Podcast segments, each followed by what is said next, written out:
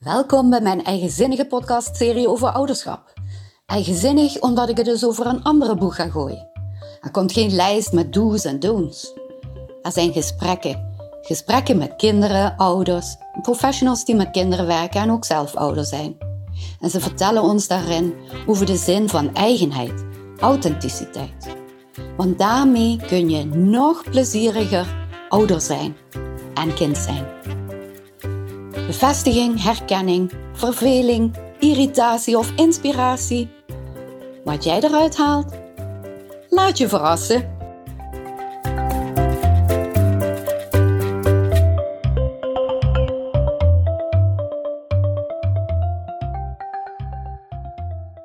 Fijn dat je luistert naar deze tweede aflevering van een podcast voor plezierig ouderschap. Zoals ik in de eerste aflevering al vertelde, gaat het juist hier niet om wat je allemaal moet doen om een goede ouder te kunnen zijn. Nee, we gaan het gewoon hebben over simpelweg blij zijn met elkaar. Mild zijn voor hoe je in elkaar steekt, jijzelf en je kind.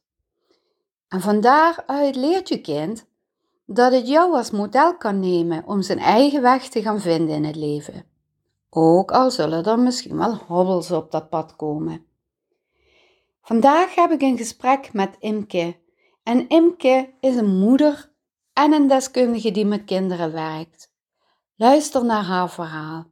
Hoi Imke, fijn dat je het, mij wil, dat je het met mij wil hebben over plezierig ouderschap. Want dat is een onderwerp dat ons beiden heel erg boeit.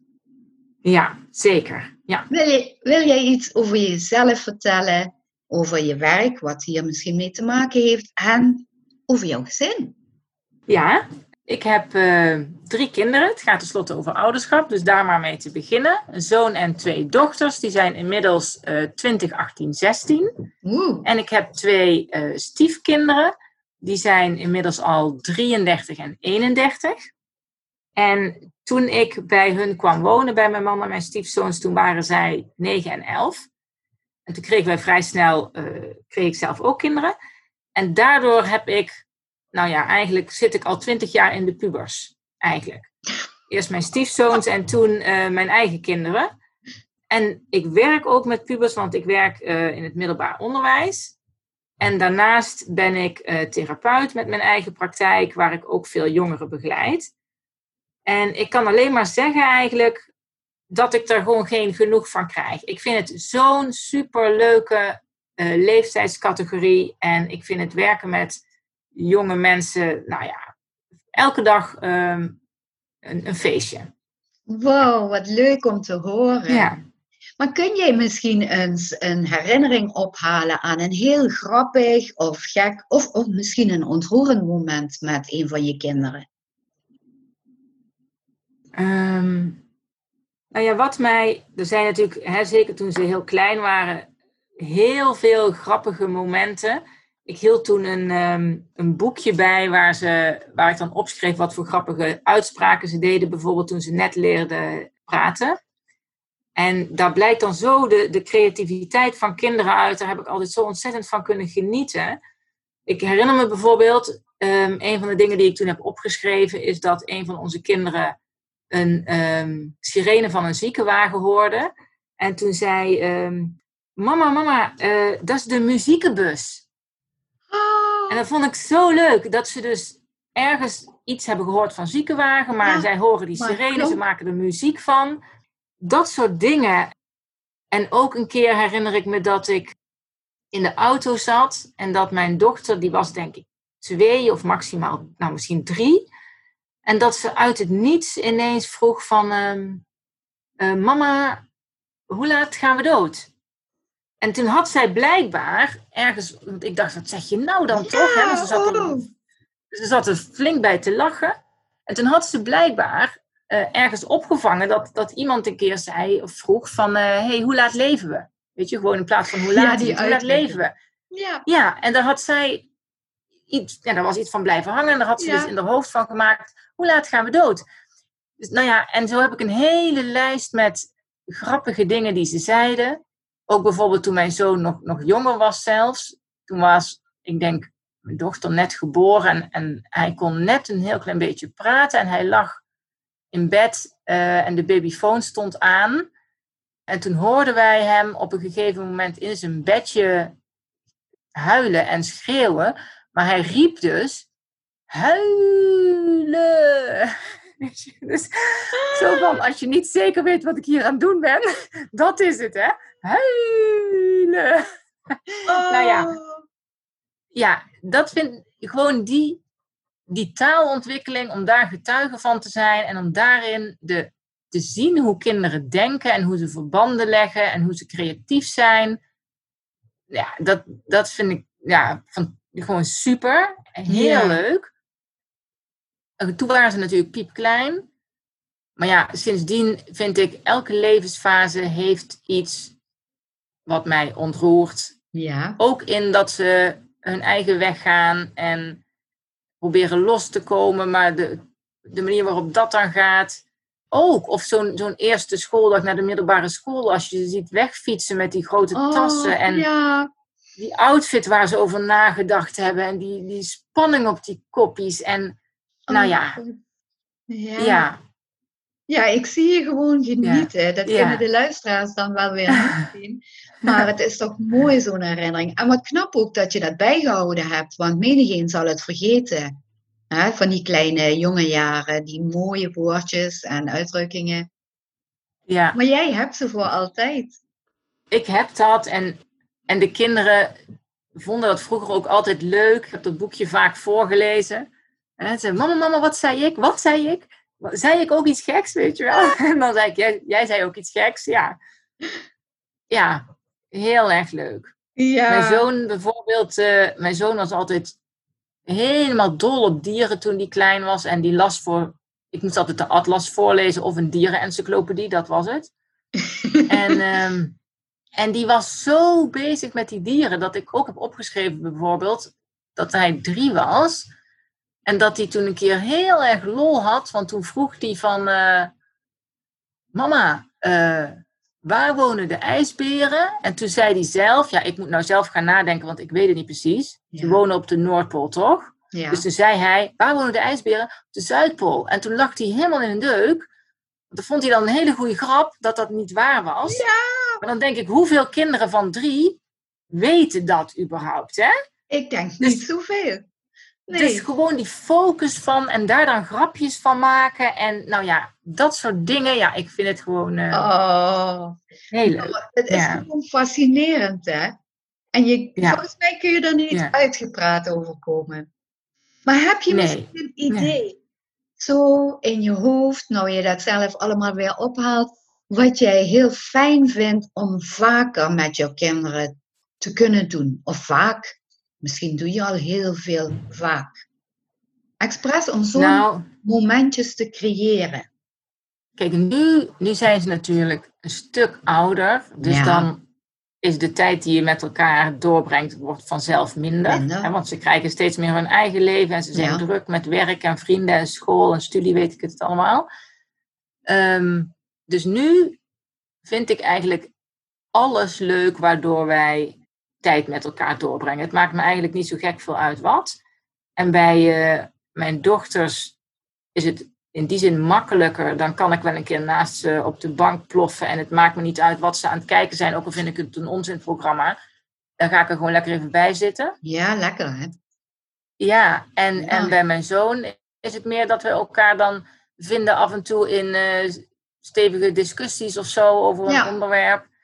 Of, ehm, nou ja, zoiets. En heel soms dan, eh, dan doen we ook echt nog wel iets met z'n allen. Zeker in de vakanties, dan komen er toch nog wel een keer spelletjes op tafel of zo. Oh, wat is Eh, ja, dus het is Ja. niet meer zo vaak, maar, maar Nee. ik ben wel altijd blij om te merken dat bij feestdagen of zo, dat de kinderen dat ook nog steeds allemaal associëren met dat soort gezellige dingen. Ja. Dus dan beginnen ze er ineens wel zelf over, weet je wel? Van, eh, we gaan En zij hebben daar positieve herinneringen aan en willen dat Ja. ook erin houden. Ja. Dat heb je dan Ja. heel goed gecreëerd eigenlijk. ja, dat hoop ik. Ja, ik denk het wel. Ik denk wel echt eh, dat ze dat allemaal leuk hebben gevonden en, en dat dus wel blijven vasthouden. Ja. Ja. Maar behalve activiteiten, want ja, daar wordt de tijd natuurlijk steeds korter voor.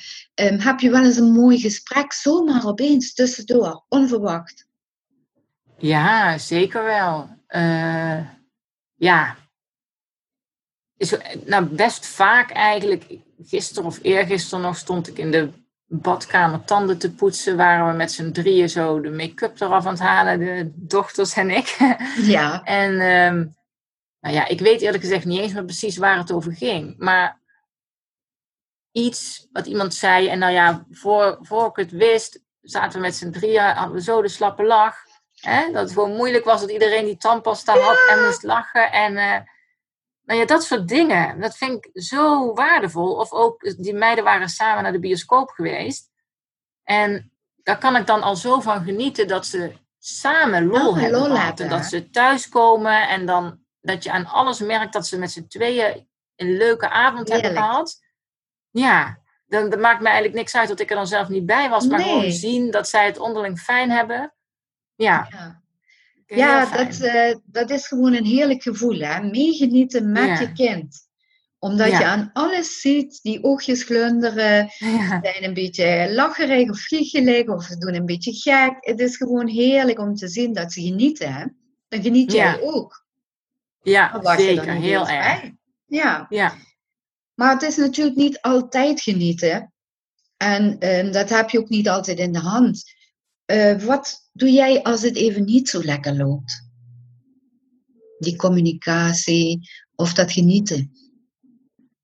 Um, nou, ik, ik denk er altijd wel veel over na. Van ik ben, me best heel, ben best heel bewust bezig met hoe gaat het, hoe gaat het tussen ons, hoe gaat het met, de, met, met hun. En als ik dan denk dat er ergens iets, iets dwars zit, dan probeer ik dat wel te benoemen. En als, er dan, als ik niks terugkrijg of ik merk dat ze gewoon het gesprek niet willen, dan probeer ik met name erop te vertrouwen dat ze wel komen als het nodig is. Dat ze er zelf uitkomen en dat ook uit te stralen door zelf niet te veel te gaan trekken. En, ehm, maar wel te zorgen dat ik er ben. Dat je er bent, ja. Ja. En dat vind ik soms moeilijk, want mijn neiging is dan wel om uh, vaker te gaan vragen: hoe is het nou? En, en hè, hoe is het vandaag? En hoe ging het daarmee? Um, maar dat hebben ze me inmiddels ook wel duidelijk gemaakt in het verleden dat, dat ik dat soms te veel deed. Ja. Niet per se op moment, momenten dat het niet goed ging hoor, ook als het gewoon wel goed gaat. Maar dat ik dan ja. dat ik gewoon zo dat is ook leuk vind om te weten ja, wat, ze, ja, wat ze bezighoudt. Ja. Dat ik dan wel eens gewoon te vaak, of niet per se dat ik te vaak iets vroeg, maar dat als ze dan iets vertelde, dat ik er te lang over doorging of dat ik er te snel op terugkwam. Ja. Dus ik probeer nu heel erg op mijn eigen rem te staan. Zeg maar. Zij willen graag die vrijheid zelf hebben, hè? Hoeveel en wanneer ze iets doorgeven. Ja. ja. Maar bij jou hebben ze vast en zeker het gevoel dat je er bent. Dus je zult nog wel een menig momentje kunnen verwachten. Zelfs als ze al lang de deur uit zijn. Ja, misschien wel. Ja, ik vind over het algemeen gaat het gewoon echt heel goed, vind ik eigenlijk. Ja. Wat vind je eigenlijk het fijnst aan een moeder zijn? Oeh. Um, ja, dat is niet zo'n makkelijke vraag, hè? Nee. Nee. Nou ja, ik, ik vind het, het, het fijnst, of in ieder geval het mooist, dat je zo van dichtbij dat hele opgroeien, die ontwikkeling, dat je dat hele proces mag meebeleven. Dat vind ik echt heel mooi. En ook hoe je ziet dat er steeds meer persoonlijkheid groeit en dat ze steeds meer een eigen mens worden. En ik, en ik vind ook al woon je onder één dak en zie je elkaar elke dag, dan nog sta ik er soms van te kijken dat ik een stapje gemist heb of zo. En dat ze ineens iets doen of ergens zijn of iets zeggen waar ik dan heel erg verbaasd over ben van, hè? wanneer is dit dan gebeurd? Weet je, dat je Ja. nu al dit kunt of zegt of weet of... Ja, Ja, wat leuk dat je je ook nog kunt verbazen. Ja, Ja, ja. ja hartstikke echt. leuk. Ja. Ja, dat is echt dan ja, zo heel verwachtingsvol. En, of juist niet, want je bent er niet mee bezig. En opeens, plop, dan Ja. eh, krijg je wat nieuws op je bordje weer geschoten. Leuk, leuk, Ja. leuk. ja. Nou, maar heb jij misschien een tip voor andere ouders hoe je nog meer plezier met elkaar kan hebben? Nou, ik denk dat mijn belangrijkste tip is, en dat zeg ik ook best heel vaak tegen ouders van leerlingen die ik heb of van ehm, jeugdige cliënten. Wees nieuwsgierig. Weet je, probeer echt nieuwsgierig te zijn naar die persoon die er verstopt zit in jouw kind, ongeacht de buitenkant. Weet je, ook zeker bij pubers heb je soms een beetje een onverschillige, mopperige, afwerende buitenkant. Ja, En probeer gewoon altijd nieuwsgierig te zijn naar wat daarachter zit, wat daarin zit, wie, wie daar in ontwikkeling is eigenlijk. En Oh. ehm, ik, ik vind als, als je vanuit die nieuwsgierigheid praat, dan stel je dus ook hele andere vragen. Want dan ga je niet meer alleen maar dingen vragen over het gedrag dat je ziet, maar dan stel je vragen eigenlijk naar wat daarachter zit, naar, naar wat ze denken of voelen of meemaken of belangrijk vinden of leuk vinden. Het hoeft ook allemaal niet zo diep. Weet je, het kan Nee. ook gewoon zijn wat ze, wat ze grappig vinden of zo. Hmm. Ehm, en ik denk van daaruit dat het het makkelijkste is om de verbinding te vinden. Ook als je bijvoorbeeld een, een kind hebt dat hobby's heeft waar jij helemaal niets mee hebt, dan nog denk ik als je nieuwsgierig bent naar die hobby en, en wat ze er dan zo leuk aan vinden en waarom het voor hun belangrijk is of spannend of wat dan ook. Als je dat oprecht interessant vindt, ongeacht de inhoud van de hobby, ja, dan, dan gaan ze vertellen en dan, en dan, ben je, ja, dan heb je toch contact. dan heb je echt contact. Ja, Ja. Ja, dat is een heerlijk gevoel. Maar jij eh, werkt eigenlijk elke dag ook met andermans kinderen. Waarom heb jij voor Ja. zo'n vak gekozen? nou ja, ik rolde er eigenlijk een beetje toevallig in, in het onderwijs. Want ik had Engels gestudeerd en ik werkte toen voor Amnesty International en daar gaf ik lessen op scholen. En dat vond ik heel leuk. En toen dacht ik van, weet je, ik ga met mijn Engels dan een eh, docentenopleiding doen. En, en zo ben ik in het onderwijs terechtgekomen. Ja, nou ja, en ik, ik, vind, ik vind kinderen sowieso, ehm, nou eigenlijk moet ik zeggen mensen sowieso, heel leuk en, Ja. en interessant.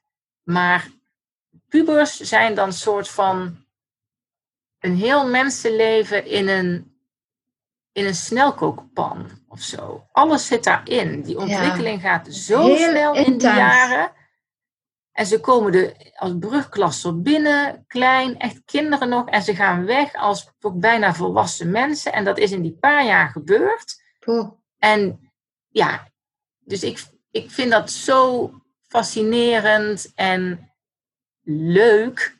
En al die groepsprocessen die er gaande zijn in een klas. En nou ja, ik, vind alles er leuk aan eigenlijk. Ja, Ja, maar weet je, je bent ook moeder. En als jij moeder bent, spelen er dan soms dingen van jouw kennis en kunde als leraar door? Want daar moet je Ja. zelf een mix van maken. zeker. Ik heb, ehm, ik heb zowel voor mijn werk als docent als voor mijn moederrol, zeg maar, Ja, heel veel geleerd van het andere stukje. Of ja, hoe moet ik het zeggen? Toen mijn kinderen naar de brugklas gingen, toen had ik al heel vaak een brugklas gehad waar ik mentor van was. En toen was ik gewend tegen kinderen in de brugklas te praten en ervan uit te gaan wat zij zelf kunnen, of zouden Mhm. moeten kunnen, wat ik voor hun voor verantwoordelijkheid kon geven. ja. En dat was meer dan ik zonder die ervaring, denk ik, aan mijn eigen kinderen zou hebben gegeven. Dus ik was thuis beschermender dan wat ik, hoe ik deed tegen brugklassers op school. ja. En dat hielp mij om als moeder ook te, te kunnen loslaten. Omdat ik wist van, dit kan echt wel, dit kunnen ze. Dit kan een gemiddeld kind van 11, 12 wel. Ja. Dus dat hielp mij. En andersom ook, uh, dat ik soms in gesprekken met leerlingen op school dingen hoor waar ik heel erg mijn eigen kinderen of onze thuissituatie in herken. Ook in bijvoorbeeld irritaties die kinderen op school benoemen over hun ouders, waarvan ik dan denk van, oh, maar dit is precies eigenlijk wat er bij ons thuis ook wel eens gebeurt aan de, eten, aan de, hè, aan de tafel bij het eten. Ehm, en dan helpt mij dat echt om daar thuis beter mee om te gaan. Omdat het soms voor kinderen op school veel makkelijker is om tegen mij dingen te vertellen die ze moeilijk vinden thuis, dan voor je eigen kinderen om dat tegen je eigen ouders te zeggen. Ja. Dus zeg maar, de gesprekken die ik heb met mijn leerlingen en met mijn cliënten, die helpen mij ook mijn kinderen beter te snappen of anders te kijken naar mijn eigen gedrag. Ja. En je hebt natuurlijk best veel vlieguren op dat onderwerp gemaakt. En dat heb je als moeder, wanneer je kind de oudste is en naar de brugklas gaat, nog niet. Dan heb je eigenlijk nog geen ervaring met kinderen van die leeftijdsfase. Ja. Ja, dat is zo. Plus, heel praktisch gezien, um, heel veel ouders van wie de kinderen naar de brugklas gaan, die vinden het heel moeilijk om hun kinderen los te laten, omdat er ineens een heel groot stuk leven is waar je totaal geen zicht op hebt. Je hebt er ook waarvan je niet weet.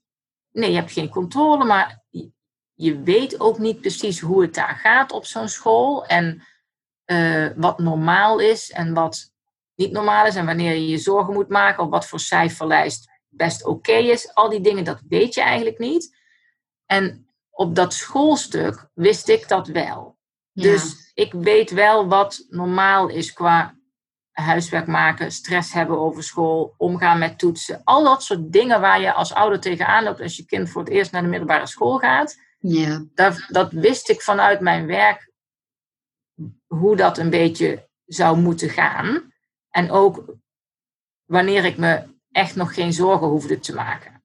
Hè? Dus ik denk dat ik daar. Uh, ja, dat dat geholpen heeft. Plus ook wel, ik had natuurlijk mijn stiefzoons al gehad. Dus ik had al een rondje gedaan. Je had al een ronde gehad.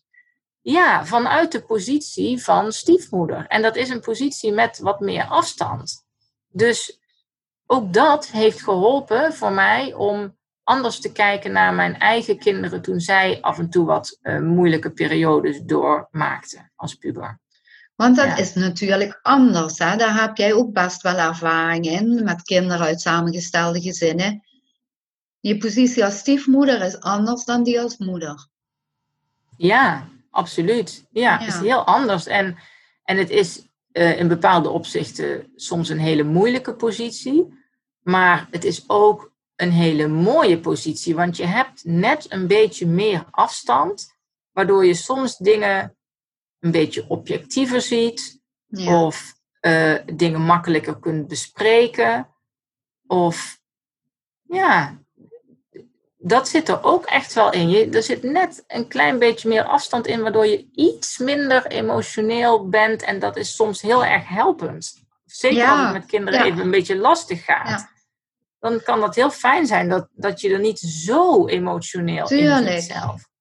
Maar ik bedacht net dat er dan misschien ook een andere kant is, omdat je zo graag je best wil doen dat je relatie goed gaat en dat het dus ook je stiefkinderen goed gaat, dat je misschien soms ehm, een beetje de neiging hebt om over de top te gaan. Dat je je eigen grenzen wat overschrijdt, omdat je extra je best wil doen. Ja, dat herken ik ook heel erg. Dat heb ik zeker ook gedaan. Ik denk dat ik te lang te beleefd ben gebleven eigenlijk. Omdat ik hè, dacht van ik kom in jullie gezin en ik, ik wil niet iets, ik wil niet jullie papa afpakken. Nee. En dat was ehm, moeilijk. Dus ik, dat, dat klopt wel, ja. Ja, dus het heeft, het, het, die rol of die positie heeft gewoon verschillende kanten. Ja. Uh, dus dat, die afstand die kan heel erg helpend zijn, maar het kan ook een rol zijn waarin je irritaties te lang inslikt. Omdat je het niet durft uit te spreken. En, en waardoor er juist meer afstand komt dan, dan je eigenlijk zou willen. Ja, dat, ja, dat kan ook. Dus ik, bij ons is dat heel goed gegaan, vind ik. Maar het was wel moeilijk. Heb jij enig idee waar dat omslagpunt voor jou lag? Waarop je je realiseerde van, ja, maar ik ga gewoon mezelf zijn. Ehm, nou, toen ik zelf kinderen kreeg, dat was al heel snel. Toen woonde ik hier twee jaar. Toen werd onze zoon geboren.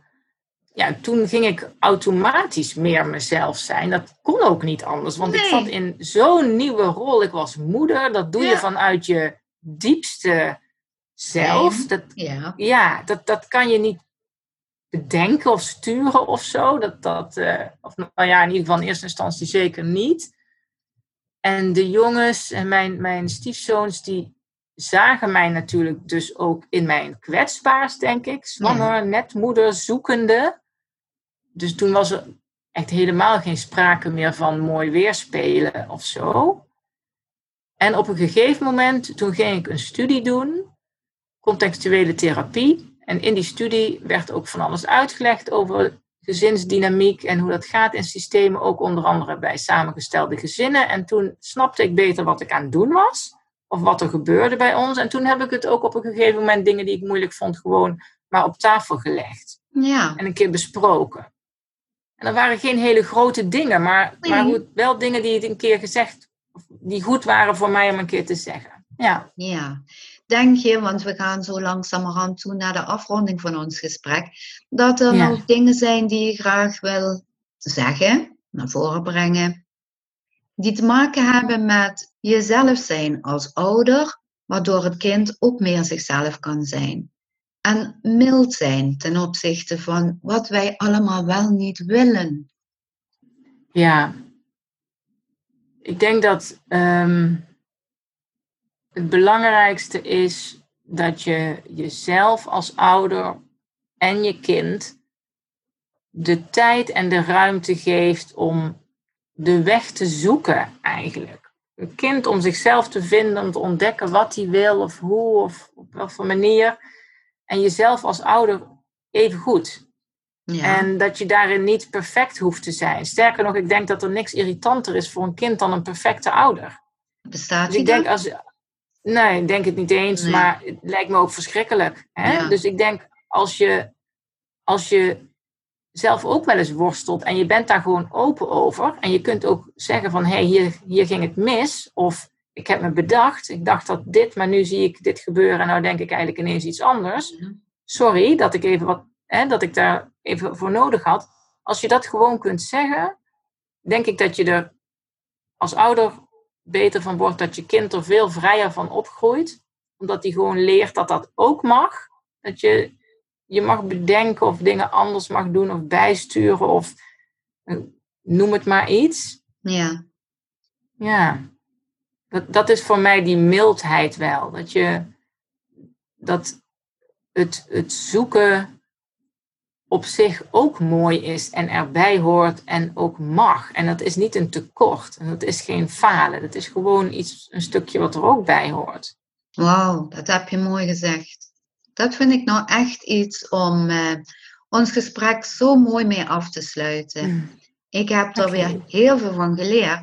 En buiten dat ik er veel van geleerd heb, vind ik dat zo'n gesprek ook erg plezierig is als moeder. Want van allemaal kunnen we weer iets horen wat ons bekend voorkomt of uh, waar we het gewoon even niet mee eens zijn. Dat mag allemaal, maar het, uh, ja, je wordt wel getriggerd en gestimuleerd om nog eens te reflecteren op je eigen handelen. En dat kan immers nooit kwaad. Nee, precies. Nee, ik, ik vond het ook heel erg leuk om, uh, om er zo eens met jou over te hebben. Dankjewel ja. voor dit gesprek en ik wens je heel veel plezier met alle kinderen, die van jezelf en die op school. Nou, okay, dankjewel en succes met de podcast.